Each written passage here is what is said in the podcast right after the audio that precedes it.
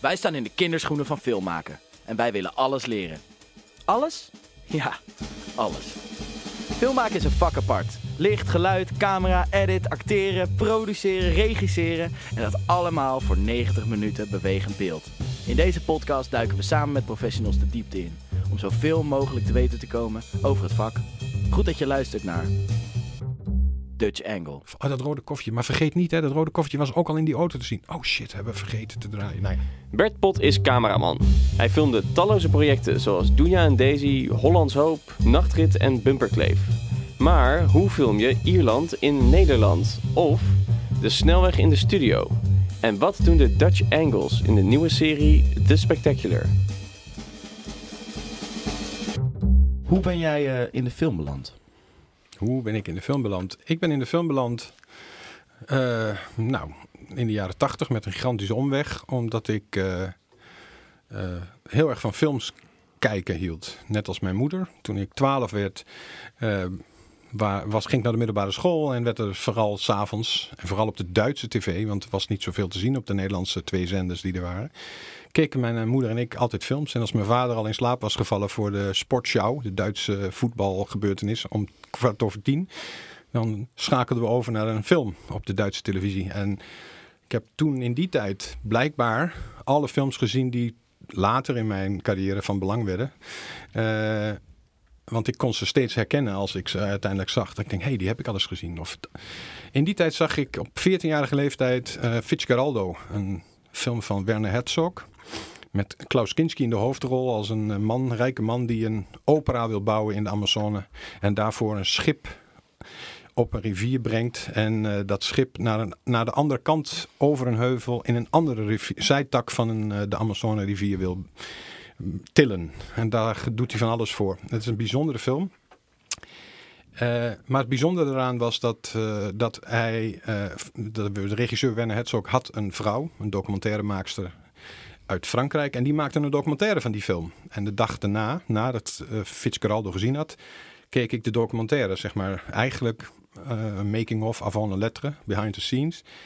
En ik was zo van onder de indruk hoe een simpele close-up van Klaus Kinski in een wit pak met een witte hoed in de Amazone werd gemaakt. Want dat zag je in de documentaire gebeuren, hoe dat shot gemaakt werd. Dat ik dacht, dat wil ik ook. Dus vanaf mijn veertiende uh, was alles eraan gelegen om op de filmacademie terecht te komen. Alleen was dat niet zo vanzelfsprekend in die tijd. 25 mensen per jaar werden er aangenomen. Laat staan, uh, voor camera was uh, waren het er dan nog minder, natuurlijk. Um, en ik dacht, ik ga eerst even een vooropleiding doen om te kijken of het daadwerkelijk is wat ik wil. En ik moest ook nog een enorme transitie ondergaan, want ik kwam van een dorp in Twente. En zou daarvoor naar de filmacademie naar Amsterdam moeten. En dat was in de jaren tachtig toch misschien wel een beetje een dingetje. En mijn achtergrond was ook niet een familie met veel cultuur of veel uh, kunstenaarschap. Uh, het was gewoon het arbeidersmilieu. Dus het was voor hen allemaal niet vanzelfsprekend dat ik naar de filmacademie ging. Alleen, ze hebben me nooit een strobreed in de weg gelegd.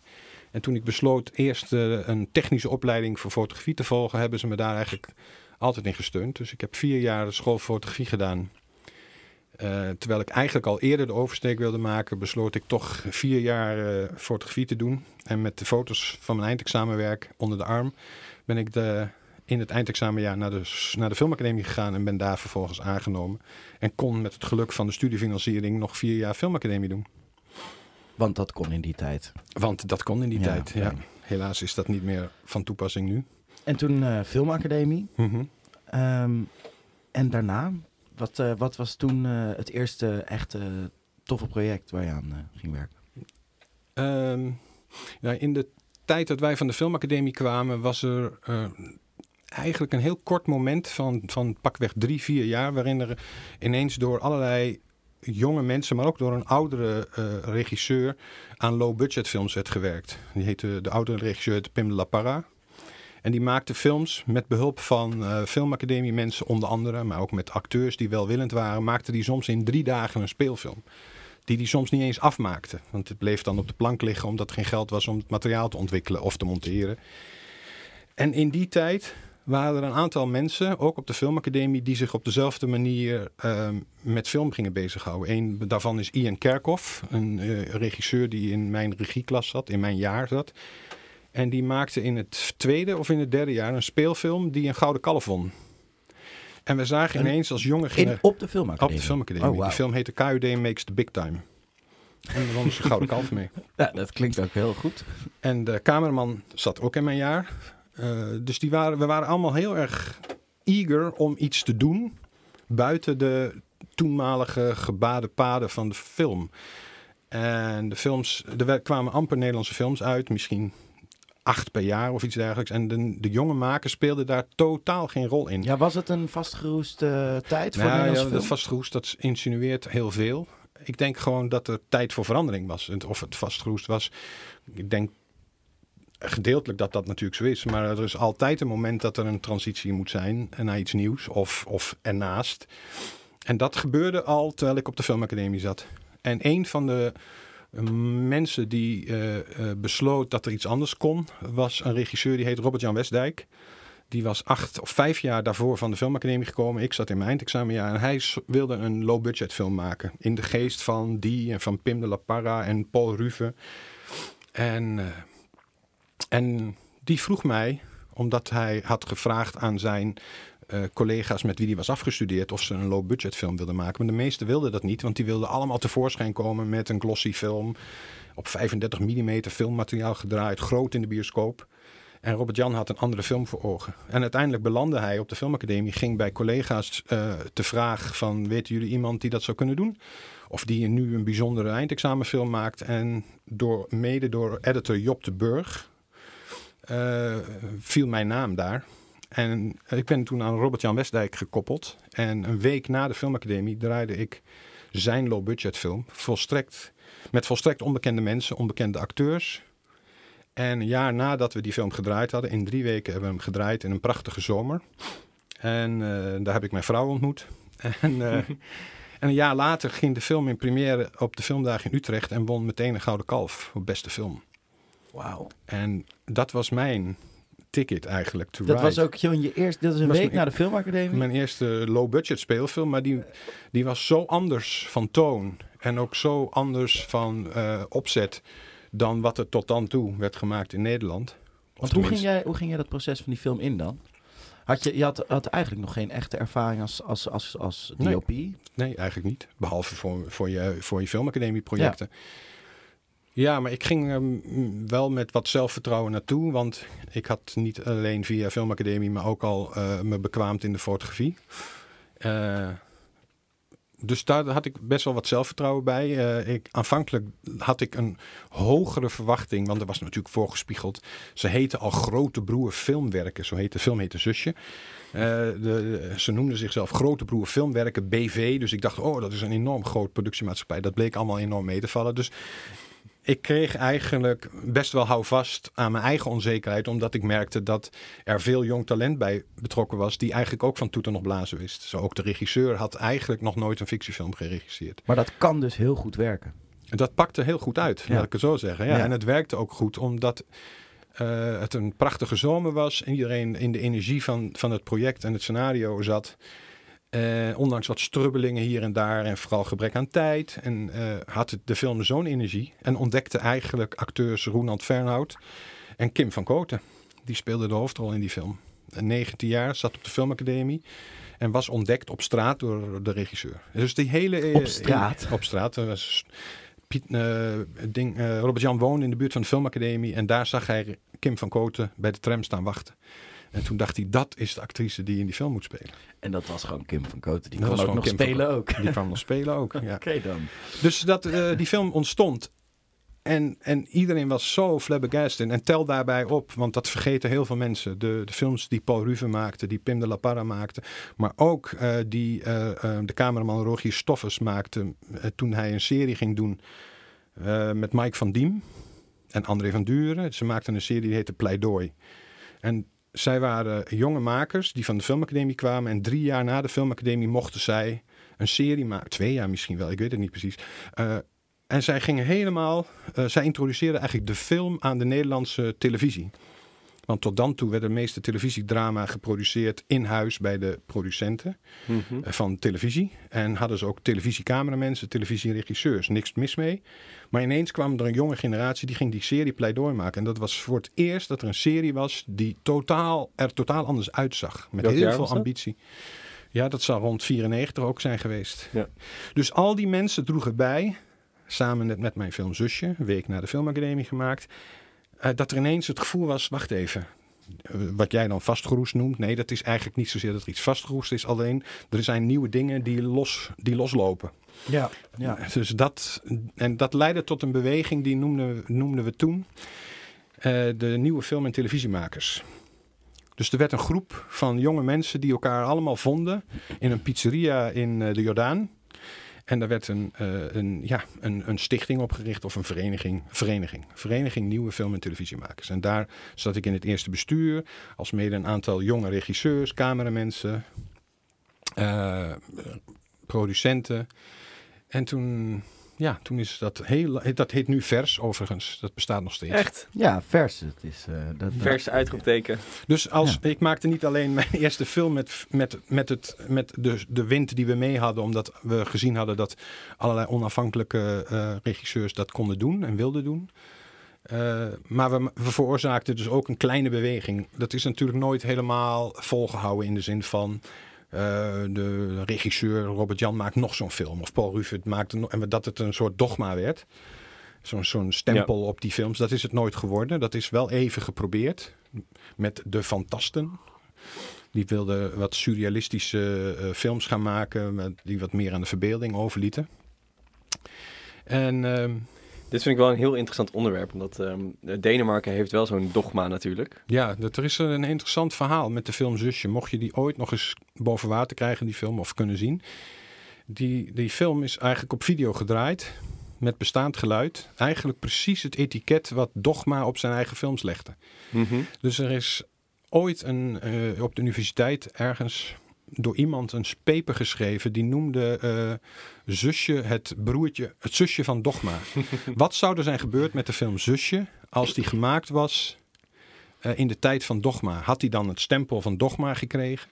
Want dat stempel van Dogma heeft er wel toe geleid dat sommige films van uit die reeks, die eigenlijk niet echt een wereldwijd publiek nodig hadden, toch een wereldwijd publiek kregen. Ja, inderdaad. Eh, maar dat dogma uit Denemarken is echt ontstaan ook vanuit de middelen die zij daar hadden. Ja, maar Eh, zo heeft Robert Jan zijn film ook gemaakt. Exact, dus dan kom je misschien wel ongeveer op hetzelfde uit. Ja. Eh, en ik ben heel erg benieuwd, de- als er nu een dogma zou ontstaan in Nederland met de huidige technologie, de nieuwe iPhone bijvoorbeeld met cinematic mode, stel je gaat daarmee aan de slag, wat zou dat dan worden? Dat vind ik heel erg... Ja, nou, ik noemde net eh, Ian Kerkhoff uit mijn jaar op de filmacademie. Die heeft daadwerkelijk een film gemaakt. Hij is teruggegaan naar Zuid-Afrika, waar hij nu als audiovisueel kunstenaar werkt, naar verluid. Hij heeft ooit een film gemaakt op, een, op telefoons, met, met mobiele telefoons. Is het een mooie film geworden? Ik denk het niet, anders hadden we het allemaal geweten. ja. Kijk. Ik wil nog even terug naar de, naar de academie Mhm. Ehm, en de fotoschool, de fotoacademie. Eh, wat is het verschil tussen die twee opleidingen? Ehm, het verschil is eigenlijk dat de school voor fotografie een MTS was. Dus niet een kunstacademie. Ook niet eh, uitging van kunst of, of eh, expressie van je eigen ding eh, in fotografie. Maar die ging uit van dat je je techniek moest leren om technisch een goede fotograaf te worden. En wat je er daarna mee deed, dat was aan jou, zeg maar. Dus we leerden eigenlijk alles eh, over lenzen, over licht maken vooral. Maar ook over het bouwen van een stilleven, hoe je het mooiste een stilleven in het licht zet. Al die dingen werden daar geleerd, maar je leerde ook materiaal kennen.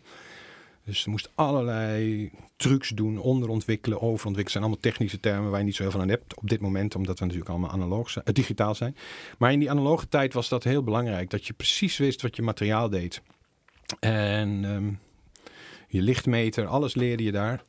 En dat was nogal technisch. En op- het moment dat er op die school iemand was die al een heel erg eigen stempel op zijn foto's drukte, die al erg kunstzinnig was, viel dat ook enorm op. Want de meeste foto's daar waren nogal van technisch aard, zeg maar. En op de filmacademie daarentegen had ik die bagage van de school fotografie meegenomen. En kon ik me eigenlijk heel goed oriënteren en bekijken van wat ik, wat ik eigenlijk interessant vond, los van de techniek van de zaken. Dus ik was veel meer geïnteresseerd in hoe, hoe, vertelt iemand zijn verhaal en welke eh, shots gebruikt hij daarvoor. Of hoe overdadig is de art direction in het geval van Peter Greenaway bijvoorbeeld, waar ik helemaal door geobsedeerd raakte. Dat was zo bijzonder dat ik dat vond. Dus ik ging eh, eh, meer kijken dan, dan technisch bezig zijn. En eigenlijk tot de dag van vandaag zou je kunnen zeggen, is dat mijn ding eigenlijk. Als je mij nu vraagt hoe werkt die digitale camera, dan heb ik eigenlijk geen idee. Oké.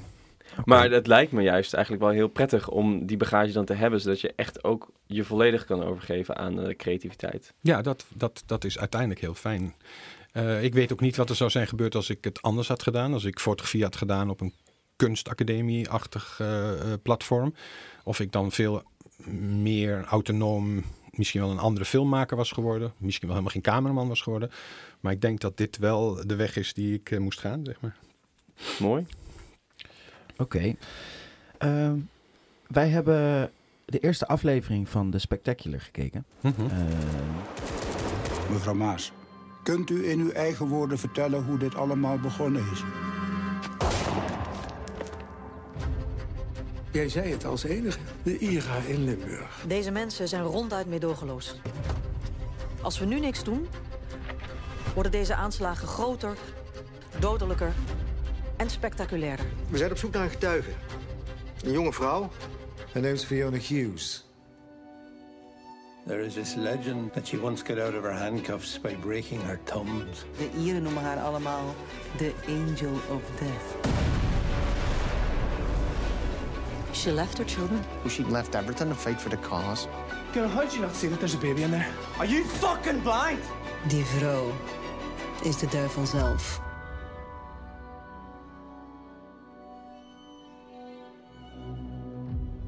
Kun je dat in twee zinnen kort uitleggen? Waar gaat die serie over? Ehm, in twee zinnen zal het niet helemaal worden. In de jaren tachtig is er in, in Nederland door de IRA eh, een aantal aanslagen gepleegd. Op Nederlandse bodem, maar ook vanuit, vanuit Nederland op Duits en Belgische bodem. En die eh, IRA-cel, vier, vijf mensen, die, zich die verstopten zich ergens in Nederland, van Nijmegen tot Roermond. En, eh, en die zijn uiteindelijk voor twee aanslagen in Roermond, gewoon op, midden op het eh, Rotterdam, uh, marktplein, zijn ze opgepakt. Ze zijn voor de rechter gekomen, maar ze zijn nooit in Nederland veroordeeld. En eh, dat bleef, dat is eigenlijk een beetje altijd een raadsel gebleven hoe dat precies zover is kunnen komen. En de serie probeert te vertellen wat die mensen deden, eh, hoe ze opereerden vanuit die cel, hoe ze werden achtervolgd door eh, de Ne- Nederlandse eh, rechercheur, die vanuit Den Haag naar Roermond werd verplaatst. En hoe ze in de kraag zijn gepakt, gepakt en wat er uiteindelijk, in aflevering 4, wat er eigenlijk misging, waardoor de mensen niet veroordeeld konden worden. En daarmee verklaart de serie eigenlijk waarom, als het ware, er altijd het gevoel is geweest rond die aanslagen van Ieren dat er een soort mantel overheen gegooid is, eh, onder de, onder de pet gebleven is. Dus eh, het is een beetje waarheidsvinding, eh 40 jaar na dato, Ja, wat leuk. 30 jaar na dato. Ehm, Het is dus spannend, maar het is ook relevant, zeg maar. ja, het is allemaal waar gebeurd, in principe. Ja, het is waar gebeurd. Er zijn wat dingen natuurlijk in een ander tijdspatroon geduwd dan wel. ehm, bijvoorbeeld de hoofdpersoon was en is eh, eh, in eigenlijk oorspronkelijk een man. Maar om allerlei misschien wel eh, genderachtige redenen is het een vrouw geworden. Prachtig gespeeld door Hadewig Minnes. Vond ik ook, ja, zeker. Heel mooi gespeeld. Dus eh, de, de- zoals altijd eh, eh, komen we niet weg met eh, het zinnetje op waarheid gebaseerd. Nee, op- we komen alleen maar weg met het zinnetje op waarheid gebaseerd. Gebaseerd. Gebaseerd ja, op. Ja. Ehm, jij was daar DOP, Director of Photography of Cinematographer, hoe je het wil noemen. Eh, Cameraman. Cameraman in het mag ook. Ja. Ehm, waar begin jij in het proces van deze serie? Waar stroom jij in? En wat is jouw taak in het begin van zo'n productie? Ehm, eigenlijk is dat een heel allesomvattende vraag. Ehm, vaak wordt mij iets eh, toegeschoven eh, door de regisseur. En Dan raak je, raak je in gesprek met de producent of ik dat dan, daar dan de cameraman van wil zijn. Hoeveel tijd we denken nodig te hebben. Nou ja, dat is altijd ik krijg altijd minder tijd bedeeld dan je daadwerkelijk nodig hebt. Is dat in, in dagen uitgedrukt? in dagen? Ja. Ja. Oké. Maar eh, wat je echt nodig hebt is veel langer. En dat is ook een, een beetje, ook voor cameramensen eigenlijk, zoals, je, zoals ik opereer, een proces wat ook niet echt in dagen is uit te drukken. Dus je gaat, je, eh, ik ga het script lezen. Eh, meestal komt er al vrij snel de vraag, hoe houden we dit beheersbaar? Hè, want het script is vaak uitgebreider of het is ingewikkelder. Of er zitten, zoals in het geval van de spectacular explosies in scènes in Belfast. Eh, hoe krijgen we dat onder controle? Eh, en wat is de stijl? En dat ga je dan met de regisseur bespreken. Wat hij, met name hij in dit geval was het een hij, wat hij voor zijn geestesoog ziet. Hoe hij het denkt te willen maken. En dan ga ik dan eh, op aanvullen of bij mee bedenken. En eh, vooral films zoeken die eh, verwant zijn aan wat de regisseur denkt te gaan maken. En daar dan over te hebben. Dus het is niet meteen een uitgemaakte zaak dat als ik een script lees, dat ik denk ik ga dat al doen. Of oh, ik zie al voor me dat we die, hoe we die bomexplosie gaan doen. Nee, het is vooral eigenlijk wacht ik heel even tot ik de input van de regisseur krijg. Ja. Want er zijn 101 manieren om een film aan te vliegen. Je kan een bomexplosie namelijk ook uit beeld houden en het alleen maar zien op het gezicht van iemand die daarvan gruwelt. Ja. Dat kan ik wel verzinnen, maar als de regisseur dat niet wil, dan heb ik weer iets doms verzonnen of iets verzonnen wat niet de zaken doen is. Dus ik moet van de regisseur horen wat min of meer zijn insteek is. Ja, dus je gaat met eh, in dit geval de regisseur. eh, eh, De regisseur was Willem Bos, een scenario, die ook, ook het scenario had geschreven. Dus dat maakte het extra interessant en soms daardoor ook extra ingewikkeld. Vertel. Nou, een regisseur die eh, met materiaal moet werken wat hij niet zelf heeft geschreven.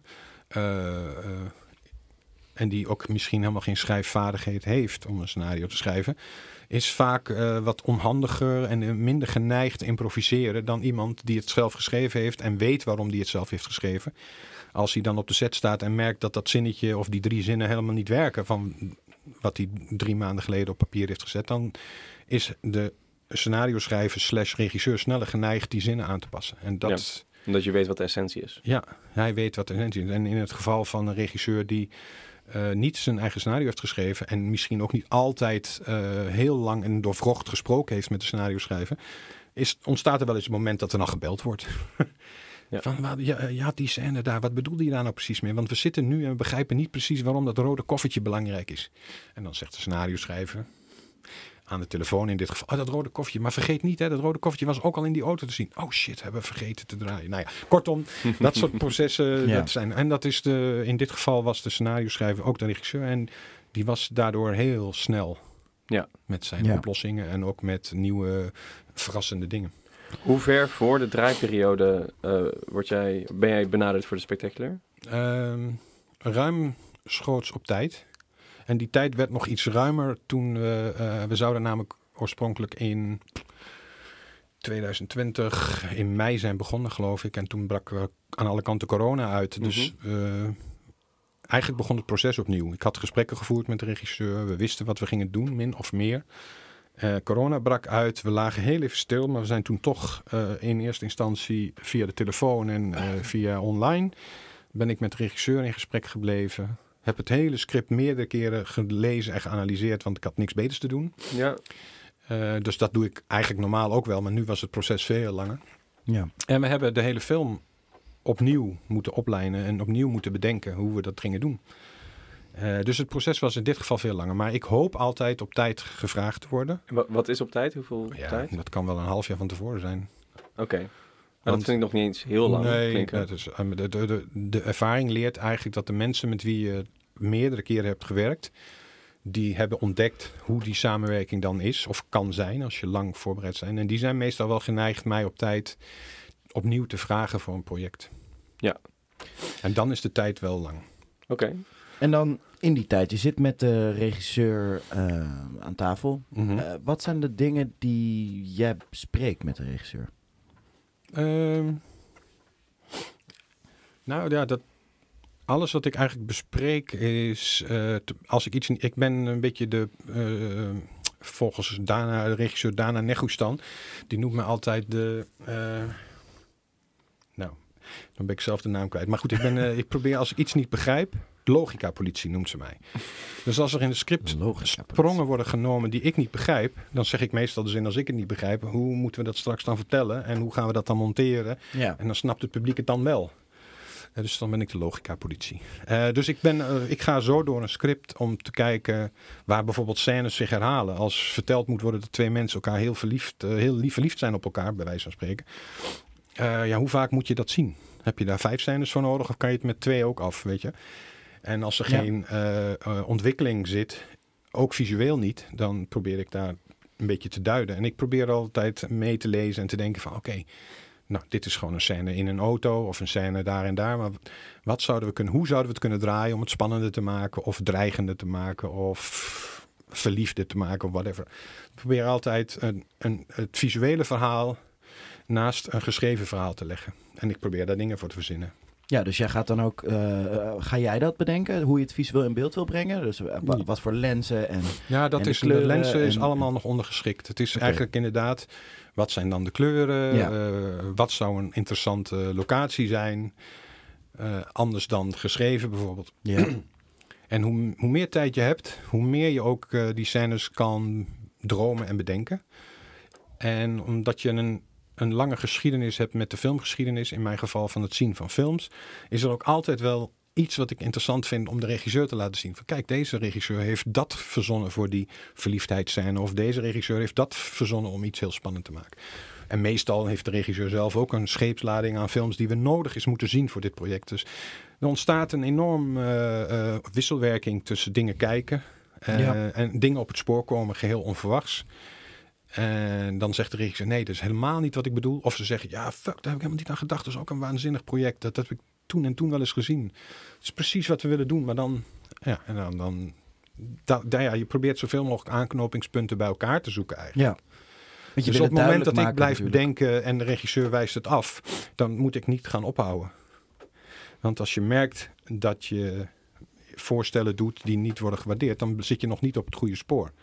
Als je dan vier maanden verder bent en je hebt nog steeds het idee dat je niet gehoord wordt en nog steeds niet op het goede spoor zit, dan kun je afvragen of je de film wel moet doen. Maar, Ja, op ja. zich. maar dat, meestal kom je ergens, bereik je common ground en dan kan het heel snel gaan. Dan, dan maak je keuzes met elkaar.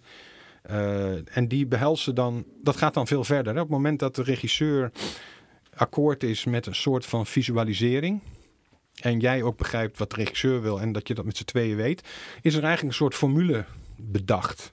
Ja. Van we gaan het in die kleuren doen, eh, we gebruiken veel wijde lenzen of juist niet. En, en met die informatie moet je daarna, als je dat min of meer in een, in een alinea op een A4'tje kan opschrijven, eh, qua stijl, qua look, misschien wat voorbeelden van films die je gezien hebt of fragmenten die je aan, en aan je andere crew laat zien, je andere heads of department. Want op het moment dat jij een keus maakt met je regisseur voor iets met kleur, of dat het alleen maar zonsondergangen zijn waarin je wilt filmen, dan moet de art director dat ook weten.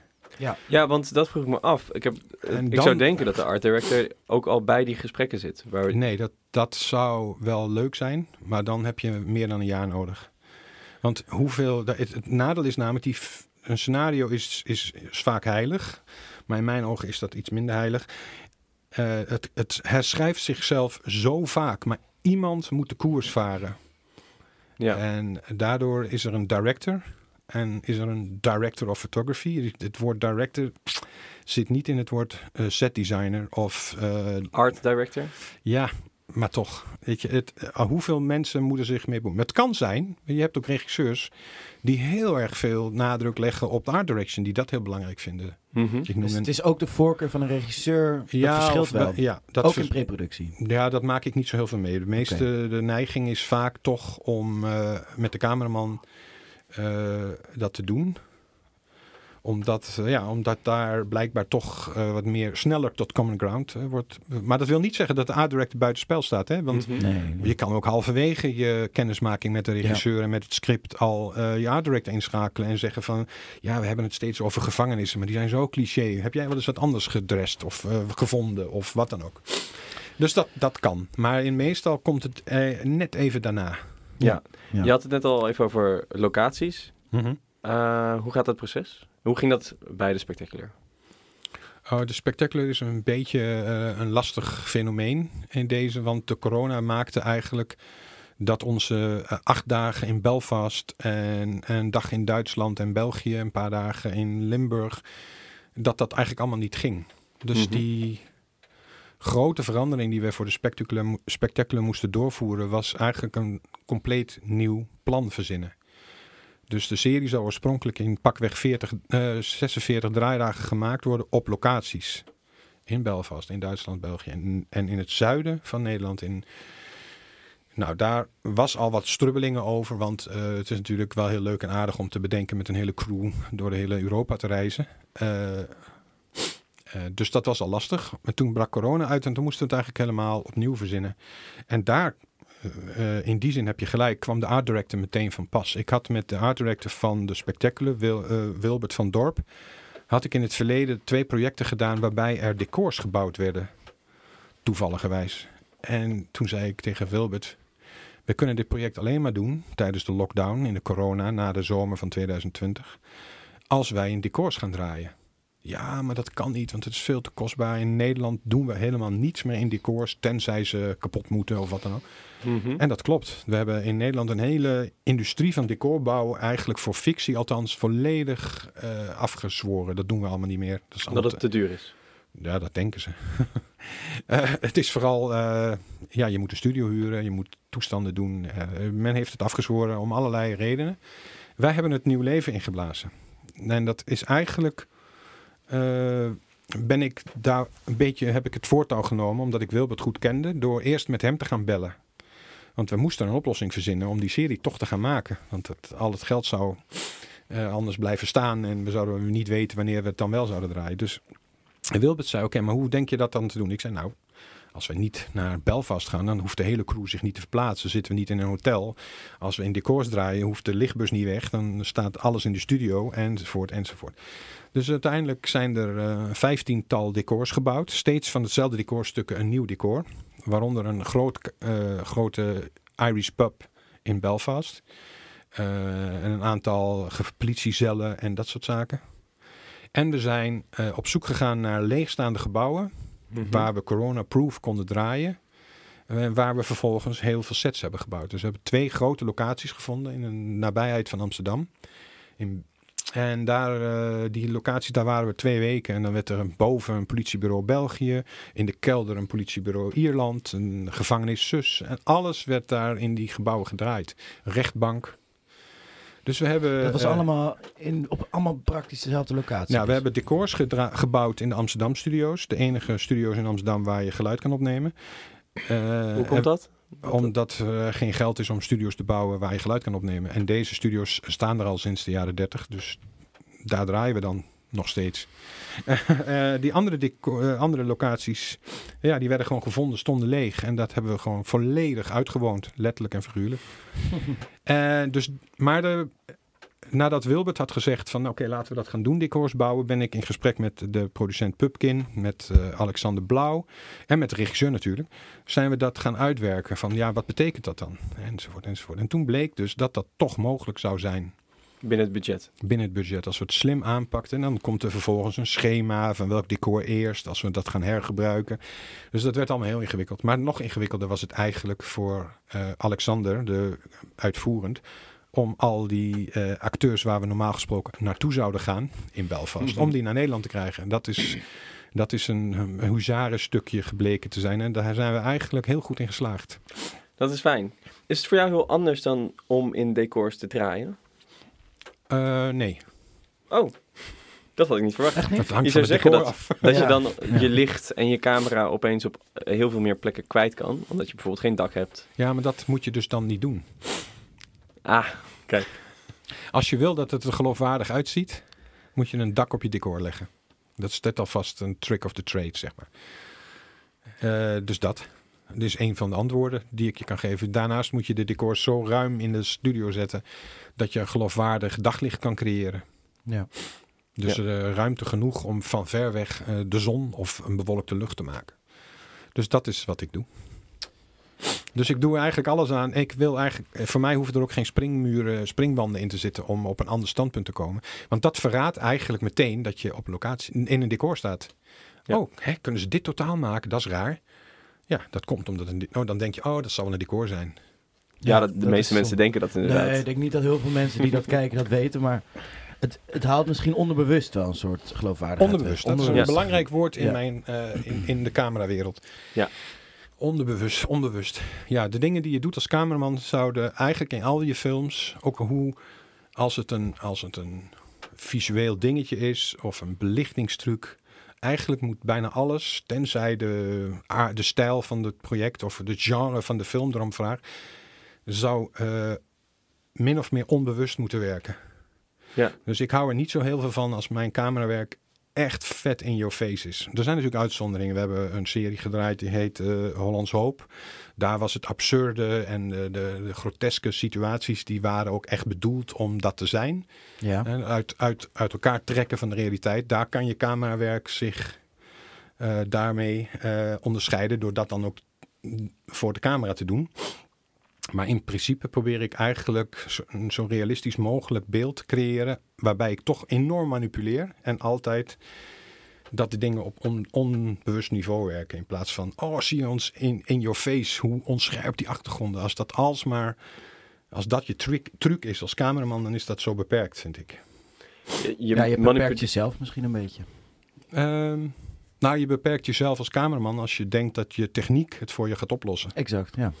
Eh, je manipuleert een heleboel, zoals? Eh, bijna alles wat ik interieur draai is uitgelicht. Terwijl het hopelijk en niet voor iedereen uitziet alsof het is uitgelicht. Ja. Dus ik probeer een, een, het, het, elk beeld wat ik maak moet eigenlijk te lezen zijn. En Wat bedoel je Dus- daarmee? dat je ook... al- Kijk, van een scène die misschien een minuut duurt... draai je zes shots of acht shots. Maar je weet als, aan de voorkant niet als cameraman... van dit totaalshot gaat 10 seconden gebruikt worden. Dus dan heb je 10 seconden de tijd om naar dat plaatje te kijken... en te snappen waar iedereen staat en hoe iedereen loopt... en waar het licht vandaan komt. Maar het kan zijn dat de editor en de regisseur besluiten... dat dat shot maar één seconde in die scène te zien is... En dan moet het toch in die ene seconde volstrekt duidelijk zijn. Ah, hij is door die deur naar binnen gekomen. Daar staat hij, bij die tafel. Dus het moet Eh, allemaal heel logisch voelen. Nou, het moet in mijn ogen, dat shot moet leesbaar zijn. Dus je moet meteen, zelfs in, in die seconde, niet functie. afgeleid worden door allerlei andere, door ruis. Ja. Dus eigenlijk onafhankelijk van eh, de functie van het shot, moet het ook, als het in de montage nog volledig verandert, moet het logisch zijn. Ja, ja, je moet begrijpen waar je naar zit te kijken. Ja. Dat is, tenzij de idee is om te desoriënteren. We hebben met de film Riphaag, hebben Pieter Kuipers en ik geprobeerd het totale te maken die eigenlijk nog meer onrust veroorzaakte dan, eh, dan je al dacht. Dus Ja. net als je dan een totaal ziet en denkt, hé, hey, nu snap ik het, dan was dat precies de bedoeling om dat dan niet te snappen. Oké. Dus daar kun je dan mee werken. Maar in, eigenlijk is mijn credo een heel klein beetje van elke, elk shot wat ik draai, zou je ook aan de muur moeten hangen, kunnen hangen en dan nog steeds het interessant vinden. Ja, precies. Daarom zie je op mijn website ook geen eh, scènes uit films, maar zie je alleen maar stils. Stilstaande beelden. Ja. Omdat ik denk dat dat beter vertelt soms eh, wat ik heb gemaakt als cameraman. In plaats van dat het alsmaar beweegt. Alhoewel dat natuurlijk on- onlosmakelijk aan elkaar eh, verbonden is. Ja, misschien moet je ook in een stil beweging kunnen voelen. Eh, Als het een goede ja, of stil ri- is. Ja, laten we oh, richting moeten voelen. Ja. Ja. Ja. Dus richting van, ah, dan zal die daar wel naartoe gaan. Of daar is hij vandaan gekomen. Ja, dus dat, dus dat de je. logica die, je- die, die je wil eh, in, een, in een stil Ja, zien. ja, wat je wilt is eigenlijk de beweging in een shot moet eigenlijk eh, de bewegingen zijn die je ogen maakten, maken. En dan dat je vrij snel weet waar je naar moet kijken.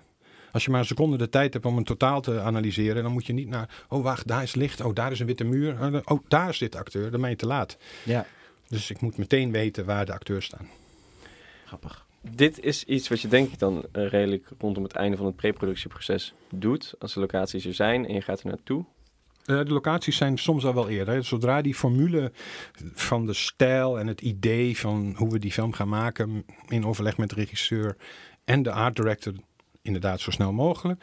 eh, als dat duidelijk is, eh, dan worden de locaties gezocht. Ja. En dan worden er ook eisen gesteld aan de locaties. Nou was dat bij de Spectacular iets minder handig. Want, maar die eisen konden we er wel opleggen, want we konden de decors laten bouwen. Ja. Maar het vinden van locaties is weer anders. Dus in het geval van de Spectacular moesten we soms genoegen nemen met de locatie die we hadden. Omdat we nou eenmaal in, graag in dat gebouw wilden blijven vanwege corona. Ja, oké, dan weten we, we hadden wel een leuke politiebureau kunnen vinden of een spectaculairder gang. Maar we doen het hier omdat het verhaal verteld moet worden. Het gaat niet per se over die gang. Mhm. Dus, en hoe eh, ziet die eisenlijst van jou eruit bij locaties? Mm, dat is niet heel groot. Dat hangt er eigenlijk af van de locaties. Ik heb wel vrij snel dat, dat ik niet altijd enthousiast word van de locaties die worden getoond. Maar meestal is dat al op voorhand, eh, op foto's kan ik dat al eh, bekijken. Er worden foto's gepresenteerd voor een mogelijke huiskamer. Krijg je dan vijf verschillende huizen. Dan kan ik vrij snel zien van, nou dit lijkt mij echt visueel veel interessanter dan die. Mhm. Of als het eh, juist bedoeld is een witte kamer te zijn, dan is het logische dat de kamer al wit is die ik op de foto zie. Dus dan, daar kun je al heel veel op zien. En dan op locatie ga je kijken. En dan heb ik natuurlijk altijd een lichte voorkeur voor eh, raampartijen die niet op het zuiden staan. Ja. Als, dat is een beroepsdeformatie. Het nadeel daarvan is namelijk dat als de zon schijnt en je, je hebt al die ramen op het zuiden, dan heb je niets meer onder controle. Zeker niet als je daar de hele dag scènes in een politiebureau moet draaien. Dus in het geval van de Spectacular en het vinden van lege gebouwen voor de Spectacular, maakte het voor mij heel simpel welke locaties we wel en niet gingen draaien. Namelijk, we gingen alle locaties gebruiken die leeg waren, die op het noorden een raam hadden. Zodat ik makkelijk met één licht, wat ik zelf maakte, kon doorwerken. Ja, Wat goed. een grote lamp die buiten staat en dat is dan de zon of de ja, de zon of, of de wolkenpartij, inderdaad. Ehm, er zaten een aantal Dutch angles in de eerste aflevering. Mhm. Ehm, kun jij die verklaren? Waarom eh, zaten die op die plekken? Ehm, ja, de Dutch Angles. De Dutch Angle heb ik, eh daar is in de jaren negentig internationaal heel veel geëxperimenteerd met de Dutch Angles. Je hebt een aantal films die er helemaal stijf van stonden. Waaronder mijn eigen film, de opvolger van de film Zusje, waar ik het net over had. Mhm. De film Siberia, heette, heette Siberia. Die maakte daar heel veel gebruik van. Het was een modetrend en dat was zelfs zo modegevoelig dat iedereen on- ging onderzoeken waarom dat nou eigenlijk een Dutch angle heette. Waarom het woord Dutch daarin zit. Tot de dag van vandaag heb ik daar niet precies een verklaring voor. Maar het heeft volgens mij weinig met Nederland te maken. Met Duitsland heeft het te maken. Ja. Zou je denken? Dat staat op Wikipedia. Ja. Oh, dan is het verbasterd. En dan was het Deutsch angle en Ja. dan is het Dutch geworden. Ja, daar het komt zal ook het uit de woord. Duitse cinema komen, toch? Oh, dan de komt het uit de jaren Duitse 30. Ja, precies. Ja, dat is kabinet des Dr. Caligari. Ja, met al die schuine kaders en dat impressionistische. Ja, daar is het vandaan. Daar komt het vandaan. Daar komt het vandaan. Maar ja, Dutch is ook Dutch en Duits Deutsch is ook het, Dutch, het heeft ja. als stam Diets, de taal die wij allebei spraken. Ja, in het middel, eh, middel eh, Europees, of weet ik veel. eh, Middel, Vroege middeleeuwen. middel, vroege middeleeuwen. Maar Nee, de, de, dus, ja. Die Dutch angle is eigenlijk eh, ontstaan in de, in, de, in de communicatie met de regisseur. Dus als een van de eerste vragen die, die ik bij dit... Ja, kijk, je leest een script, dat speelt zich in de jaren, eind jaren 80 af. En je weet al, je art direction gaat eind jaren 80 zijn. Mhm. Hoe dwingend is dat? Hoe dwingend wil de regisseur daar aan vasthouden? Waar vinden we locaties? Waar vinden we de markt van Roermond? En kunnen we daar genoeg uit beeld houden, zodat het nog steeds de jaren 80 voelt? Of begin jaren 90? Dus al die vragen stel je meteen. En, en, en dat stelde ik ook aan Wilm. En Wilm had een hele sterke voorkeur eh, voor conspiracy thrillers. Eh, want waarom had hij dat? Hij vond dat deze, dit script dat hij geschreven had op basis van waar gebeurde feiten, eh, dat vond hij eigenlijk een conspiracy thriller. Want er is een aanslag gepleegd, de mensen zijn opgepakt, ze zijn voor de rechtbank verschenen en ze zijn in Nederland niet in de gevangenis beland. Hoezo? Ja. Dit is een conspiracy. Ja. Dus hij heeft met mij heel veel naar al die jaren 70 films gekeken. Van Alan Pecula, Parallax View, uh. Al die films gingen we bekijken. En eh, de films van Brian De Palma, daar was, daar was hij heel erg mee bezig. En daar zaten een aantal aspecten in. Die toen ik die films in de jaren, jaren 80 op de Duitse televisie zag, zag ik ze in het vierkant, in het zwart-wit. En pen en scan van links naar rechts door het beeld, omdat het in cinemascoop gedraaid is. Bij al die films ging ik, ging ik met hem natuurlijk weer terugkijken, ook al als ik dat dan niet eerder had gedaan. En daar zaten een paar aspecten aan, waaronder een Dutch angles, zoomlensen. Allemaal dingen waar hij helemaal voor, helemaal voor wilde gaan. En hij maakte mij, eh, maakte mij daar enthousiast over. Ik, ik heb weinig tot niet op een zoomlens gedraaid in mijn carrière, omdat ik het een heel onhandige lens vind. Eh, qua formaat, maar ook omdat ik eh, door de school fotografie natuurlijk gewend ben om op vaste brandpunten te werken. Mhm. Je had een 35, een 50, een 85. En dat was voor mij altijd helder. En dat vertaalde zich in de tijd van de film ook naar 16 mm lenzen die ook vaste brandpunten hadden. En dan wist je altijd een beetje waar je aan toe bent als je roept ik wil een medium lens. Nou, dan krijg je die lens. En als je een close-up wilt, dan heb je die lens. Ehm, maar hij wilde dat allemaal niet. En toen brak corona uit. En toen dacht ik, oké, dus dat wordt lastig met de camera, met een assistent en een focusspoeler en die en dat en iedereen om mij heen. Maskers op, plastic voor je gezicht. Dus ik dacht van, nou, die zoomlens zou me nog wel eens van pas kunnen komen door de handelingen rond de camera tot een minimum te beperken. Ja. Dus ik had ineens twee redenen om die zoomlens toch te gaan omarmen. Maar de belangrijkste reden kwam eigenlijk toen ik zelf eh, een, film ging terugkijken. En die had ik niet met Willem besproken. En ik zei tegen Willem, ik ga vanavond een film kijken. Ik zal je laten zeggen wat ik ervan vind. Willem heeft eh, twee kleine kinderen. eh, dus die had het nogal druk op het thuisfront. Dus af en toe deed ik het voorwerk en dan ging hij het daarna kijken. Dus ik ging Munich kijken van Steven Spielberg. Mhm. Dat gaat over een cel van Mossad-agenten. Die proberen eh, volgens mij eh, eh, Palestijnse mensen te vermoorden all over Europe. Dus eigenlijk ook een cel zoals de IRA-cel moorden pleegt. in. Dus ik dacht, hoe is dat eigenlijk gefilmd? Hoe claustrofobisch is dat? Nou ja, wat deden ze daar als, als visueel... Wat hadden ze daar als visuele tool om dat verhaal te vertellen?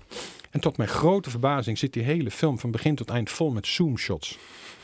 Zoomlens shots. Dat ik Steven Spielberg nog niet heel vaak had zien doen. Nee. Maar er zit heel veel zoomlenzen in. En Dodge angles. Ook. Ja, Van wanneer is die film? Ja, Ja, pff, eh, 2005 of zo. zoiets. Ja. En ik was echt flabbergasted. En het, blijkbaar had, het, had ik het in mijn onderbewuste, wederom het onderbewuste, wel gedacht, er is iets met die film dat ik moet zien. Dus ik belde diezelfde avond Wilm op. Ik zei, Munich, daar moet je even naar kijken. Nou, de volgende dag was dat eigenlijk onze, los van de films die ik net al noemde, van Brian De Palma, werd dat eigenlijk onze, ons basisidee. Wat grappig. Ja, Munich als basis van de Maar- spectacular en toch anders. De Dutch Angles die in de Spectacular zitten. Waarom zitten die op die plek? Ja, ik wil het gewoon heel graag weten. Want ik heb er zelf een theorie over. Maar ik wil weten of die klopt. Ja, ik, meen, ik moet, jij hebt alleen aflevering 1 gezien. Dan Ja, moet je me heel even helpen waar die Dutch Angle zat. Want ik weet het, al zijn vier afleveringen, 50 minuten. Ehm, bij de eerste moord eh, de volgende dag, als de regisseurs er zijn. Ja. Daar zit er een. Ja. En op het moment dat Hadewig een voet ziet. Een Oh ja, precies, precies. Nou ja, de, ehm, als cameraman heb je met de Dutch Angle een extra speciale tool. Dat als je eh, wel beschouwt in de compositieleer, ga je altijd uit van een horizontale horizon. Hè, Ja. recht door het beeld. En daar bouw je, je je compositie mee op. Dus de makkelijkste compositie is iemand in het midden neerzetten, dan is het symmetrisch. Maar als het licht van één kant komt, is dat al niet meer het geval. Dus dan moet je compositie alweer iets anders worden. Dus je hebt allerlei tools om de compositie te manipuleren. Eh, in de regel eh, probeer je een compositie te doen die in balans is. Ook met de, als reden dat ook al staat dat shot maar één seconde, dat je vrij makkelijk weet waar je naar moet kijken. Dus dan gebruik je de gulden snede op 1 derde, 1 derde. Dat gebruik ik eigenlijk heel erg veel. Mhm. Of je gebruikt het midden, maar dat vind ik eigenlijk een van de minst interessante dingen. Dus eh, mijn composities hebben ook te maken met de edit. Dus als je twee mediums op elkaar snijdt, dan kijk je eerst links in beeld naar één iemands gezicht. Dan weet je, als ik het gedraaid heb, dat bijna meteen daarna het tweede medium van de man die tegenover je zit, aan de rechterkant zal opduiken. Waardoor er een soort ritme ontstaat enzovoort. Ja. Dus daar Ja. probeer ik me eigenlijk altijd mee bezig te houden om het rustig te houden.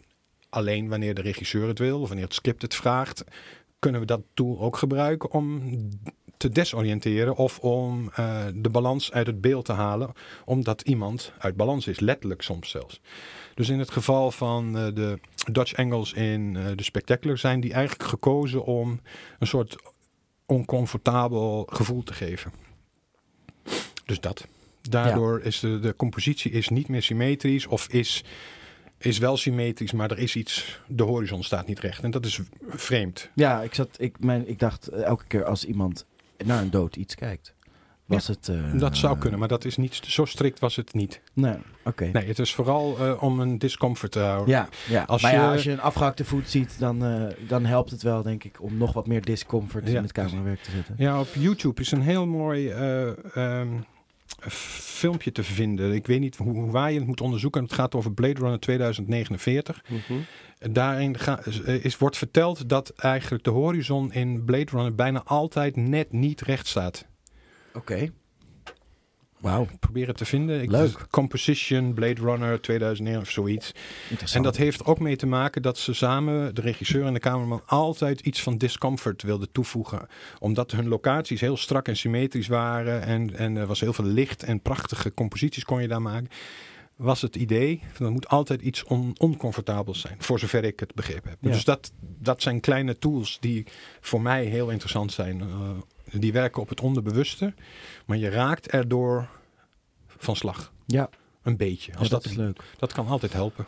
En dit zijn allemaal tijdens het draaien, maar eh, dan ben ik benieuwd. Hoeveel, eh, in dit geval, bij de Spectacular, hoeveel ehm, doe jij nog eh, in de postproductie? Ben jij daar nog mee bezig? Zeker, want in de, in de post, eh, daar valt met name de, de mon- beeldmontage onder en de geluidsafwerking. Ja. En in een laatste traject of in een tussendoor traject doen we de kleurcorrectie van een film. En daar ben je ook bij? Ja, en met de montage ben ik eigenlijk doorgaans niet, omdat dat een proces is wat net als met de cameraman en de regisseur voor het draaien plaatsvindt, gebeurt het na het draaien tussen de editor en de regisseur. Mhm. Alleen komt het daar wel eens voor dat de bedoelingen die je op de set had, van, van tevoren flink had afgesproken, dat dat niet altijd eh, tot, een, tot die edit niet altijd oplevert wat je had gedacht. Eh, soms werken scènes toch anders. En dan, maar ik vind het altijd leuk om te gaan kijken. Dus ergens tegen het einde kijk ik een film mee. En dan wordt mij ook gezegd van deze scène werkt niet. Kun je, hebben we daar nog iets anders voor? Soms zie ik een shot dat niet gebruikt is. En dan zeg ik van, waarom heb je dat kloosje niet gebruikt? Dat had daar prima gepast. Hebben we dat dan? Ja, ja. En dan blijkt er nog ergens dat ik op het laatste moment toch ben ingezoomd. In het geval van de spectacular. Ja. Dat ik me dat nog kan herinneren.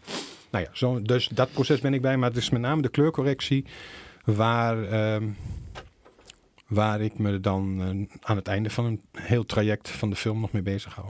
En die kleuren zijn meestal al van tevoren bepaald. ja, want van daar heb, wat je, daar heb je dus over nagedacht, eigenlijk al voor het draaien. Correct. Ja. Ja. en bij de Spectacular specifiek wilden we eigenlijk een beetje slordig zijn. Dus een beetje morsig, zoals ook de art direction, zoals ook de camerastijl is ook al een klein beetje rommelig bij de Spectacular. Veel rommeliger dan ik normaal doe. We gebruikten onder andere eh, als idee ook split, split diopters. Ja. Zoals Brian Eerst, De Palma eh, dat doet. Dat betekent dat iets wat heel dicht bij de camera's is dan scherp. En iets wat heel ver weg is, is ook scherp. Ja. En, ja, eh, vrij grof middel. dat is een grof middel. Ja. Ja. je blijft dat namelijk visueel altijd in beeld zien. Je had Ja. het ook technisch kunnen oplossen door eerst het ene shot te draaien, dan de scherpte te verleggen en dat dan in de, in de postproductie zo aan elkaar te plakken dat het, niet, dat het bijna echt lijkt. Maar wij wilden die slordigheid. Dus ook de kleurcorrectie van de Spectacular is, is een beetje rommelig, een beetje morsig. Ja. Ik heb ook heel weinig geprobeerd eh, lokaal in beeld te manipuleren. Tegenwoordig met onze digitale technieken kunnen we dingetjes wegwerken, maar ook iets wat te licht in beeld is. Al is het alleen maar een schemerlampje op tafel. Dat kunnen we dan weer donkerder maken, alleen ter plekke. Of als een acteur iets lichter moet worden terwijl hij door een donkere gang loopt, kunnen we dat helemaal corrigeren. Maar dat heb ik bij de Spectacular eh, zoveel mogelijk niet gedaan, omdat ik wilde dat het eruit zag zoals wij de films in de jaren 80 en jaren 90 maakten. Hmm. Ja. Het liefst had ik hem natuurlijk gewoon op film gedraaid. Om die reden. Ja. Ja. Met zoomlenzen. à la Brian De Palma. Bumperkleef. Dit is normaal. Voor één nachtje weg, kom. Hé, hey, sorry, we hadden echt al een half uur onderweg moeten zijn. Zonnebril vergeten. Nee, echt niet. Nee, vergeet het maar.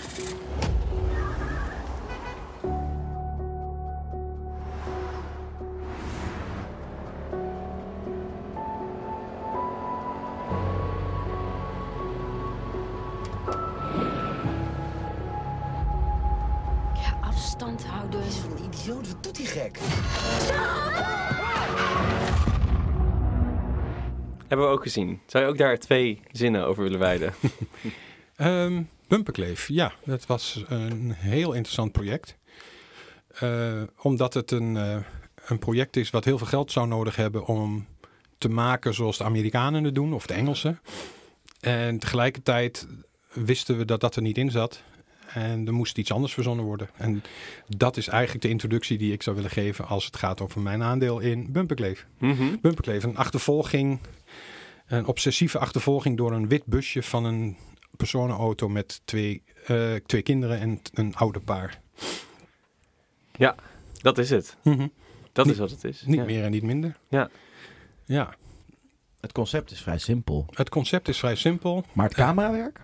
Het kamerwerk is in principe ook niet zo gecompliceerd.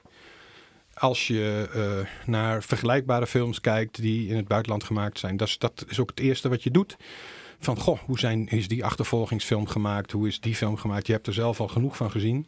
Allemaal even spectaculair. En al vrij snel valt je één ding op. Bij het lezen van Bumperkleef viel mij op dat het zich moest afspelen op een volle snelweg. En als je veel films kijkt eh, waar je aan wilt relateren, die, die over achtervolgingen gaan, gaan ze bijna altijd over verlaten wegen ach- eh, met achtervolgingen. Mhm. Met andere woorden, men heeft vooral, vooral de film van Spielberg, Duel, de eerste televisiefilm die Steven Spielberg maakte en die zo succesvol was op de Amerikaanse televisie dat hij in Europa als speelfilm in de bioscoop is geweest.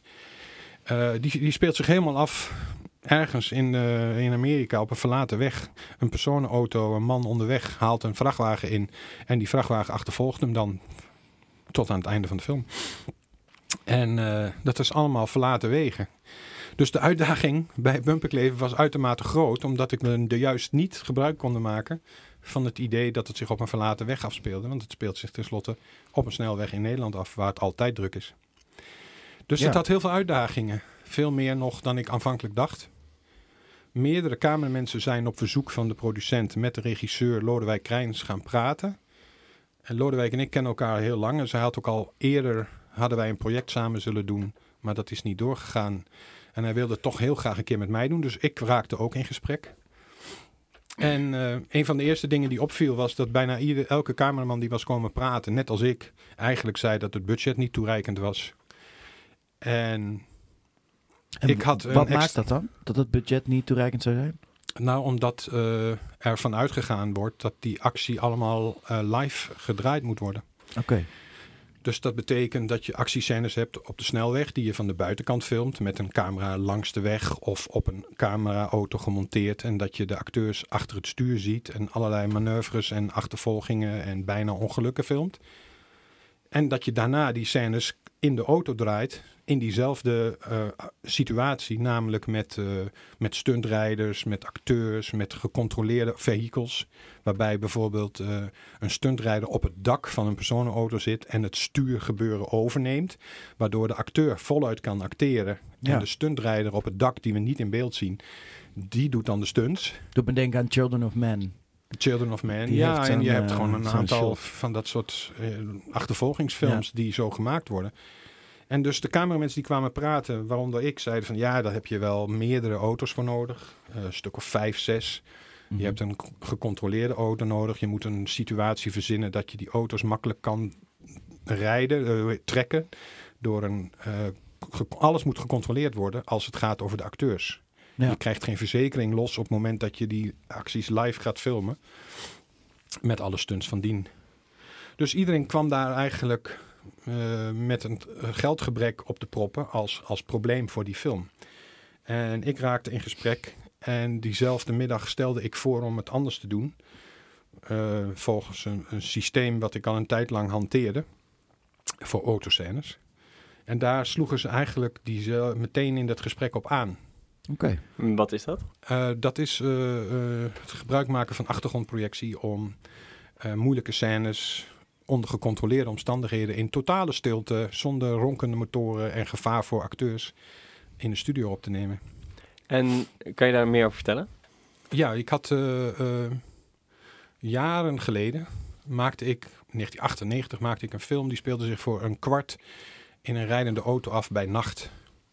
En die film heette Total Los. Leidt uiteindelijk tot een ongeluk in een tunnel.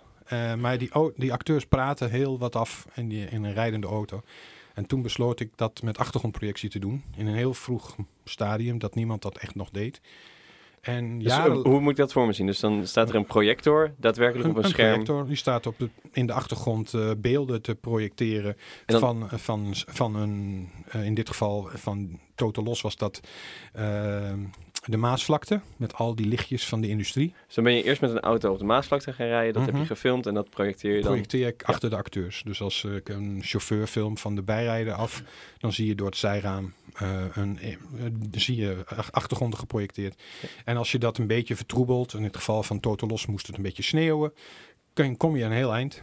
En later is er een film geweest die heette TBS, met eh, Theo Maas in de hoofdrol. Ja, ja, mooi. Eh, dat was een telefilm met een krap budget, met weinig draaidagen. Maar hij zou in die film zeven auto's stelen. En rijden van Amsterdam naar Luik en in, in de Belgische Ardennen rondrijden met Lisa Smit, eh, tegenspeelster. Mhm.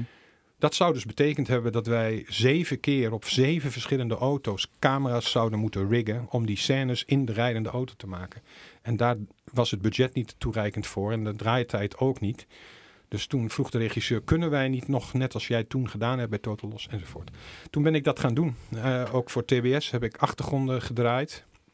Nadat we de scènes van de buitenkant hadden gefilmd en op locaties in België, Nederland hadden gedraaid, zijn de regisseur en ik eh, een dag langer gebleven in België en de hele route teruggereden die de auto ook genomen had. Dus we zijn door de Ardennen gereden, door de, door de hellingen, door de bossages. We zijn door Luik gereden. We zijn onder tunnels door, enzovoort, enzovoort. En hebben dat uiteindelijk gemonteerd op lengte van de scènes. Dus een scène duurt anderhalve minuut, terwijl we tien minuten achtergrondmateriaal hadden. Dan monteerde ik die achtergronden tot de mooiste stukjes, of de interessantste stukjes. Mhm. En dat projecteerde ik achter de acteurs. En de auto staat gewoon stil in de studio. En de snelheid suggereer je door zelf met de camera te bewegen of de auto te laten trillen enzovoort. Ja. Dat is eigenlijk de, het geheim van Bumperkleef. En dan Alleen- de scènes die wel op de snelweg zijn. Dus daar heb je alsnog een paar vrachtwagens. Je Mhm. hebt eh, dat witte busje. Je hebt eh, een caravans, andere auto's. En dat, die- die, zijn van de buitenkant live gedraaid. Is daar dan de snelweg voor afgezet? Ja, daar is een snelweg voor afgezet. En als wij de acteursauto met de stuntrijder, of zelfs soms met de acteur, als we dat gedraaid hadden, dan haalden we de acteurauto, inclusief de acteurs, er natuurlijk uit. En toen dan plaatsten we daar een cameraauto in, volgehangen met camera's, die 360 graden diezelfde actie, met het inhalen van vrachtwagens, of het bijna aanrijding, of het remmen van het busje, allemaal nog een keer filmden. En dat werden onze achtergronden. Ah. Oh, wauw. Kijk, Dat dat, klinkt ook best wel goed te doen dan Ja. eigenlijk. Ja, maar het was toch niet helemaal zo simpel als het leek. Eh, Lodewijk maakte eh, de achtergrondprojectie tot een uitdaging. Want in de meeste gevallen, zoals ik net al zei, zijn, waren de films waarmee ik achtergrondprojectie deed, van Hollands Hoop tot Bloed, Zweet en Tranen over het leven van André Hazes, de- waren de achtergronden relatief abstract. Omdat de auto alleen rijdt op een weg. Kun Ja. je een heel hoop veroorloven. Alleen in dit geval zijn er vrachtwagens die tot een meter van de auto voorbij komen. Ja. En eh, dus de, de uitdaging was om een veel betere projectie te creëren dan met een beamer en een, en een bioscoopdoek. Hm. Dus toen werd het idee geopperd door mij om het op ledschermen te doen. Dat was allemaal toen nog in een beginstadium. Het is ook allemaal ver voor die Star Wars serie, Mandalorian. Besloot ik het op een ledscherm te gaan doen. Oh joh. En dat heb ik met eh, John Torborg, dat is een colorist. Die doet normaal gesproken de postproductie, de kleurcorrectie van films en series. Mhm. Eh, die heeft mij daar enorm bij geholpen, want het is een technisch eh, wonderkind. En dus we hebben van alles gebouwd en verzonnen en gecreëerd, waardoor wij ehm, in de studio niet alleen in mijn beeld de achtergronden hadden voor de acteurs, maar dat de acteurs ook konden zien waar ze zelf reden. Dus de acties waarin ze moeten remmen, zien zij zelf. Bijna simulatie. Ja, simulatie. Al die projectoren. Er waren dus eh, meerdere afspeelmomenten, maar die moesten allemaal sync lopen met de actie. Ja, ja, ja. En die hebben we allemaal aan elkaar gekoppeld. Dus als Jeroen plotseling op de rem moet staan, moest hij dat natuurlijk zo goed mogelijk spelen. En het is veel beter dat hij het zelf ziet gebeuren dan dat iemand roept en nu remmen. Ja. ja. Dus Ja. dat hebben we allemaal verzorgd. en allemaal van tevoren uitgedacht, getest ook. En dat is eigenlijk, eh, heeft dat bumperkleef opgeleverd. waardoor Allemaal bedacht, getest, ontworpen Mhm. en alsnog dus een stuk goedkoper dan Ja. het op een andere manier Ja, doen. Dat is, kijk, dat is wel tof. Nou ja, Dat we brachten niemand in gevaar. Hè? We brachten niemand in gevaar. Het, de auto werd wel eh, sp- spectaculairder bewogen dan wij dat normaal deden. Omdat er ook door bochten, keihard door bochten gereden moest worden. Dus het, de Mhm. auto stond zelf ook op een hydraulisch systeem om het energie nog meer in die stationaire situatie in de studio, nog meer energie toe te voegen. Ook, ook voor de acteurs waarschijnlijk. En ook voor de acteurs, zodat hun bewegingen Ja. en hun haren en alles veel meer Ja. bewoog. Dat ze ook echt van links naar rechts in de stoelen werden geslagen. Nou, dat, Ja. dat hebben we allemaal verzorgd. Ehm, het voordeel van die achtergrondprojectie was simpelweg is dat op een normale situatie van een afgesloten snelweg je helemaal terug moet rijden met iedereen naar het begin en pas een half uur later de volgende take kan doen. Ja. Ja. En in ons geval was het gewoon play en dan kon je nog een keer die take doen. Ja, dat is wel heel lekker. En er kon gewoon rustig met de regisseur gesproken worden. eh, met de acteurs gesproken worden. En nou ja, dat maakte het allemaal veel eenvoudiger. En hopelijk eh, niet minder spectaculair. Het was ontzettend spectaculair en heel erg spannend. Eh, ja, ik heb echt eh, mijn vriendin helemaal doodgeknepen op de bank van de spanning. En zij heeft achteraf, ik had het gevraagd, niet gemerkt, eh, het was niet opgevallen hoe het camerawerk zat. Dus dat is helemaal goed gelukt bij Ja, zo. Ja. Nou, ik heb eh, het beste compliment komt natuurlijk altijd van de filmmakers met wie je af en toe praat. Dat er eh, cameramensen zijn die het gewoon ook niet gemerkt hebben. Kijk, Echt waar? Dat is...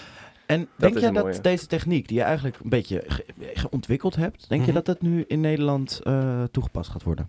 Ja, want het wordt al heel veel toegepast. Ik word vrij vaak, misschien wel, al- nou elke week is overdreven, maar vrij regelmatig gebeld Ja. om daar wat insight in te geven. Nou, dat hou ik natuurlijk relatief beperkt, omdat het mijn eigen eh, ding is. Maar ik ben niet te beroerd om dat uit te leggen. Ehm, en ik ben bij enkele projecten eh, ook wat intensiever betrokken geweest. Omdat de problemen die zij hadden verwant zijn aan die wij hadden bij Bumperkleef. Dus dan probeer ik ze van tevoren zo goed mogelijk een draaiboek te geven van waar ze rekening mee moeten houden en wat Ja. ze moeten Mhm. verzorgen. Ja. En in sommige gevallen vragen ze zelfs of ik dan eh, met die cameraauto met allerlei speciale camera's die ik heb ontwikkeld met John, om die dan dat dan ook te verzorgen. En als ik geen draaidagen voor mezelf heb, dan vind ik het prima om dat nog te doen, want dan zie, ben ik ook eens bij iemand anders op de set. Zeg maar. Dat is ook... Ja. Denk je dat dit een ontwikkeling is eh, op het cameragebied die eh, veel gaat ont- ja, groter gaat worden en belangrijk gaat worden in film? Eh, nee, dat denk ik niet. Nee? Nee, ik denk dat het een gimmick is.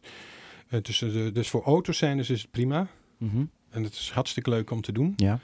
Eh, in coronatijd was het voor de spectacular waar we het net over hadden ook een belangrijke tool. Want wij wilden scènes op een veerboot.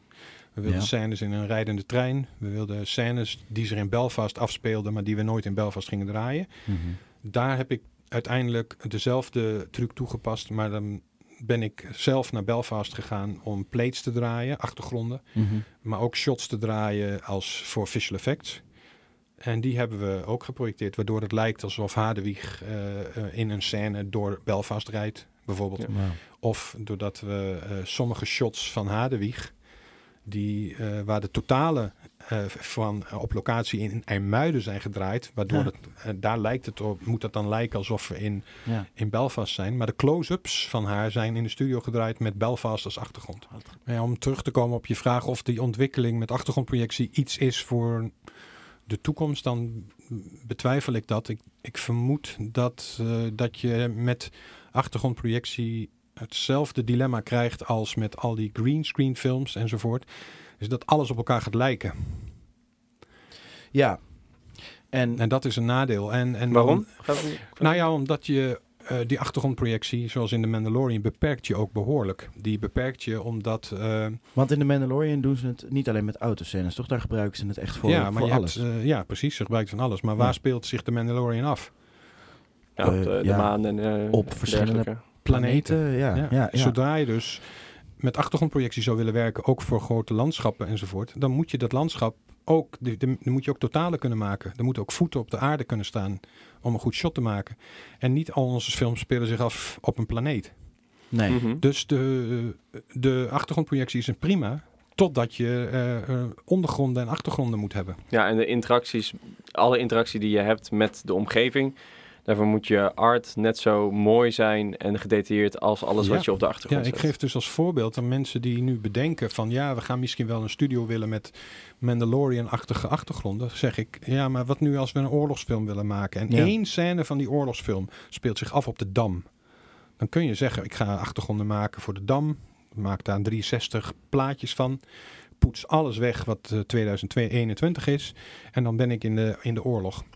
Maar waar, staan, waar komen die Duitse jeeps? Waar komen die vandaan? Eh, hoe, Ja. Waar staan de paarden? Weet ik veel. Waar De karren. Die moeten op de grond staan. Ja. Dus je moet dan een heel dam aanleggen in je studio. Mhm. En dan nog een logische overgang maken naar de achtergronden toe. Dus ik denk dat als wij daarmee verder willen gaan, moet er een veel beter eh, gesprek zijn met, ehm, met art departments. Mhm. En maar vooral met de producenten. Kijk, als zij mogelijkheden zien die ik niet zie, op basis van hun budgetten, maar ook de verhalen die we vertellen, eh, dan ben ik ze graag eh, van dienst daarmee. Ja. Maar als je een science fiction film maakt, is bij uitstek een, eh, de, de, de plates en de achtergrondprojectie met ledschermen een, een, een zeer welkom experiment. Dat is hartstikke Ja. goed. Het gaat waarschijnlijk ook heel goed lukken, à la The Mandalorian. Alleen als je film een realiteit moet hebben of, of een historisch moet kloppen, dan weet ik niet waar, die, eh, waar al die mensen, al die ridders moeten lopen. Ja. Dus maar misschien is het dus eigenlijk wel eh, handig in het geval van zoiets als de Mandalorian, omdat dat moeilijker is om na te bouwen in de realiteit. Maar als je een realistisch iets hebt wat al bestaat, Mhm. is het misschien onnodig. Nou ja, dat betwijfel ik ook weer. Want als je ziet, eh, Ridley Scott maakt een aantal films, eh Alien films. eh, Ja. Hij maakt ook de Martian over een man die op Mars landt. En dat filmt hij gewoon in Marokko. Dus ik zou niet weten waarom dat Hm. à Ja, de Mandalorian niet, ja. gemaakt moet worden. Ja. Het is een kwestie van kijken. En kijk, wat heb ik nodig? En Ja. hoe, hoe kan ik de realiteit manipuleren? Hoe maak ik iets roder? Om het Mars te laten zijn. En dan kom je ook een heel eind. Het is, dat is, dat is niet nieuws. Planet of the Apes is ook gewoon gedraaid in de woestijn en met achtergrondprojectie. maar Ja, you know, het kan allemaal. ja we Het hebben is- best wel veel op deze planeet, alleen al. Ja, en wat ik dus bedoel is dat als de... In de Mandalorian-style heeft heel veel geld gekost. Dus Disney heeft geïnvesteerd in iets, In die ontwikkeling. in die ontwikkeling, wetende dat ze vervolgens weer een serie in de jungle gaan maken of een andere Nee. serie, eh, science fiction serie. En dan is, loont zich de investering en de techniek die ze ontwikkelen en de overschrijding van het budget op één project. Seizoen 1 van de Mandalorian is zwaar over budget gegaan. Met de mogelijkheden, ja, het maakt verder niet uit. Want we draaien de komende tien jaar draaien we nog wel meer films. Maar gingen zij ervan uit dat het een ontwikkeling was die heel veel ging doen voor de, voor de film? Nou je? ja, zij gingen er wel van uit, maar dat is tegen hun. Zij, kunnen, zij bestrepen hele andere bedragen tegen elkaar weg natuurlijk dan wij ja, dat doen. Ja, Ja. dat is waar. Dus dat is een belangrijke constatering. Dus ik wil het niet bagatelliseren, maar ik denk dat het niet de holy grail is. Nee. En ik denk dat het, Nee. het, het nadeel ervan gaat zijn, is dat als alles perfect wordt, eh, daardoor, stel dat het wel zou lukken, eh, dat het een eh, leidt tot. Kijk, ik vind dat bijvoorbeeld eh, heel veel van die Marvel-films lijken allemaal op elkaar. Niet alleen doordat het scenario steeds hetzelfde is, Mhm. het goede tegen het kwade, een Ja. ultiem gevecht tussen wolkenkrabbers. Uiteindelijk denk ik, ja. Maar die dingen lijken allemaal op elkaar. En als er dan in één film is die iets anders doet, zoals er was een film die heette Logan, geloof ik, eh, een variatie op de X-Men. Oké. Mhm. En die was een, totaal anders gedraaid. Ja. Of bijvoorbeeld de Joker. Ja. Ja. Dan, dan vallen die films ineens enorm op. Ah, omdat Dark er een, ja, exact. De, Ja. Die vechtscènes zijn gewoon fistfights. Ja. en die zijn gewoon actual on location gedraaid. En daar vliegt niemand door de lucht eh, omdat het kan. Of visueel. omdat het een visual effect is. Maar dat is allemaal eh, gedaan met de middelen daar. En, en die zijn origineler en, en oorspronkelijker. En waarschijnlijk door de beperkingen des te krachtiger geworden. Want als alles kan. Weet je, ik- het beste voorbeeld is dat ik de Matrix, de Matrix, de eerste film, vond ik echt geweldig. Dan kijk ik naar de tweede. Dan zie ik gevechten op, op vrachtwagens, die gaan maar door. Ja. En uiteindelijk vliegen ze allemaal weg. En dan, oh, dat gevecht had helemaal niet plaats hoeven vinden. Hij had meteen weg kunnen vliegen. Weet je, dus op een gegeven moment levert het ook een mank verhaal op. Dat je denkt, ja, nu zit ik alleen maar naar actie te kijken omdat het kan. Ja. Maar het voegt niks meer toe. Het voel, die twee en drie waren inderdaad puur om Volstrekt de actie. Het, het, zeg maar, Ja. het hele vette aan Matrix 1 was natuurlijk het hele idee. Ja, het is En, precies. en de ontwikkeling van dat verhaal en die krachten. Maar toen, ja, het voelde eigenlijk gewoon alsof, oké, nou, dit is dan de uitkomst of zo. En, en, en eh, ja, dus dat, dat, dat zit een, een soort. eh, de originaliteit gaat een beetje verloren als alles kan. Dus je moet soms gewoon weer nadenken. Maar daardoor is er dus wel degelijk iets met achtergrondprojectie te doen. Maar dan moet je gewoon een heel ander project maken. Een hele andere film. Dat je denkt, Hm. wacht, we gaan dus een film maken waarin de shots. eh, door die, dat je die achtergrondprojectie gebruikt als tool. In plaats van als middel om iets anders niet te hoeven doen. Dus als je juist de achtergrondprojectie gebruikt als een onderdeel, als een locatie eigenlijk, Mhm. eh, omdat het mogelijk is, in plaats van dat je het doet omdat, eh, omdat het budget niet toereikend is, of omdat je niet op een planeet bent, of omdat je de dam niet in 1949 gedrest krijgt, en 1945 gedrest, ik zeg maar een paar dingen. Als je hem juist gebruikt als tool, dan kun je een, een nieuw ding creëren en dan zou je best een hele interessante film kunnen maken. Dat is een leuk bruggetje naar onze laatste vraag. Zeker, Torben. Take it away. Oké, ehm, Bert. In het wondere, in het wondere scenario dat ehm, jij een film mag maken als cameraman. Jij bent de cameraman op deze film. Een Nederlandse film met een ongelimiteerd budget. Eh, kan je vertellen waar deze film over gaat? En eh, Poeh, dat is wel een... Daar had ik me graag geestelijk op willen voorbereiden. Nee, ja, ja, ja, ja. Geen idee. Ik ben zelf een enorme liefhebber van eh, de eerste films van Tarkovsky. Die Mhm. heeft een film gemaakt die heet Rubeyev. Oh, die heb ik niet gezien. Ik ook niet. Het is een soort episch drama over een stuk geschiedenis van eh, Rusland. Opgelijnd aan, aan één persoon die dat allemaal meemaakt. Ja, dat je de- een film zou kunnen maken die een stuk van de Nederlandse geschiedenis laat zien. Eh, maar dan niet als histo eh, weet ik, niet een perfect historisch drama met alles kloppend in art direction en visual effects, maar in een an- op een andere manier verteld. Meer op een gevoelsmanier? Op een gevoelsmanier of, of, of eh, zonder de nadruk op de visual effects. Mhm. Maar meer dat de visual effects ondersteunend zijn of, of gewoon eigenlijk niet eens opvallen. Ja. Ja, dat zou ik heel erg leuk vinden. In welke periode zou dat dan zijn? Geen idee, het ligt eraan wat we interessant vinden. Eh, misschien de wording van de republiek of zo. Of eh, toen we nog bij, toen Brussel en Antwerpen nog bij ons hoorden. Ja. Kunnen meteen een En de Belgisch-Nederlandse Bourgondiërs. samenwerking doen. Ja, dat was een mooie tijd toen. Ja, dat is leuk. Nee, geen idee wat het zou moeten zijn. Ik, ik heb zelf eh, ben ik geobsedeerd door eh, een katholiek fenomeen in Ierland. Eh, dat is een, een bedevaart op een berg. En veel foto's die ik maak zijn ook daar gemaakt. Ik heb er ooit een kleine film gemaakt. Daar gaan in de laatste zondag van juli gaan daar duizenden, tienduizenden mensen een berg op om in een kerk te biechten en zeven keer om die kerk te lopen en dan weer terug te gaan. Mhm. Een mis bij te wonen. En dat is, daar heb ik een obsessie mee. Dat vind ik zo bizar en fascinerend. Een stuk aspect van de mensheid. Waarom ze die uitdaging aangaan. Eh, dat zou ik wel eens willen vastleggen op een wat eh, manier. Dus een fenomeen zoals dat in de Nederlandse geschiedenis. Ja, of gewoon of de Nederlandse geschiedenis toch overslaan en meteen naar Ierland oversteken. Volgens mij heb je je bedacht. Volgens mij vind je dat leuk. Nee, maar er zijn natuurlijk, ja, er is wel iets. Er zal ongetwijfeld zoiets in Nederland zijn. Iets wat mensen gedaan hebben of waar ze heel veel waarde aan hebben gehecht. Ik, las, ik zag laatst een stuk do- een documentaire over de waarde die de tulp ooit heeft gehad. Ja. Als een Ah. betaalmiddel. Dat, toen, toen schijnen heel veel mensen in tulpen uit Turkije geïnvesteerd te hebben. En die, dat, dat ging verloren. En heel veel mensen, een aantal mensen die in die tulpen hadden geïnvesteerd in 1700 of 1600, eh, gingen failliet. Ja, ik geloof Dus de eerste, Een fantastisch, fascinerend, abstract fenomeen. Ja. Een tulp, hoezo? Ja, Ja, de eerste financiële crisis is dat het was geweest. volgens mij de tulpcrisis. de tulpencrisis. Nou, daar een film Ja. over. Dat zou ik zo leuk vinden. Dat zonder ridders en, en wapengekletter en zonder science fiction en achtergrondprojectie. Maar Gewoon een beetje de Big Short over tulpen. Ja, precies. Ja, zeker. Te gek. Voilà. De Big Tulip. Maar dan nog kan het een episch verhaal zijn. Het kan in Turkije beginnen met een Ja. VOC-schip. En uiteindelijk wordt het een hele kleine metafoor over een tulp in een potje. Een Bertpot. Een bedpotje. Dit was de Bert Pot podcast. Eh dankjewel Bert. Graag gedaan. Dankjewel. Bedankt voor het luisteren naar Dutch Angle. Op Instagram vind je ons als Dutch Angle Podcast. Dus als je vragen hebt aan ons of aan een van onze gasten, stuur gerust een berichtje. Tot volgende keer.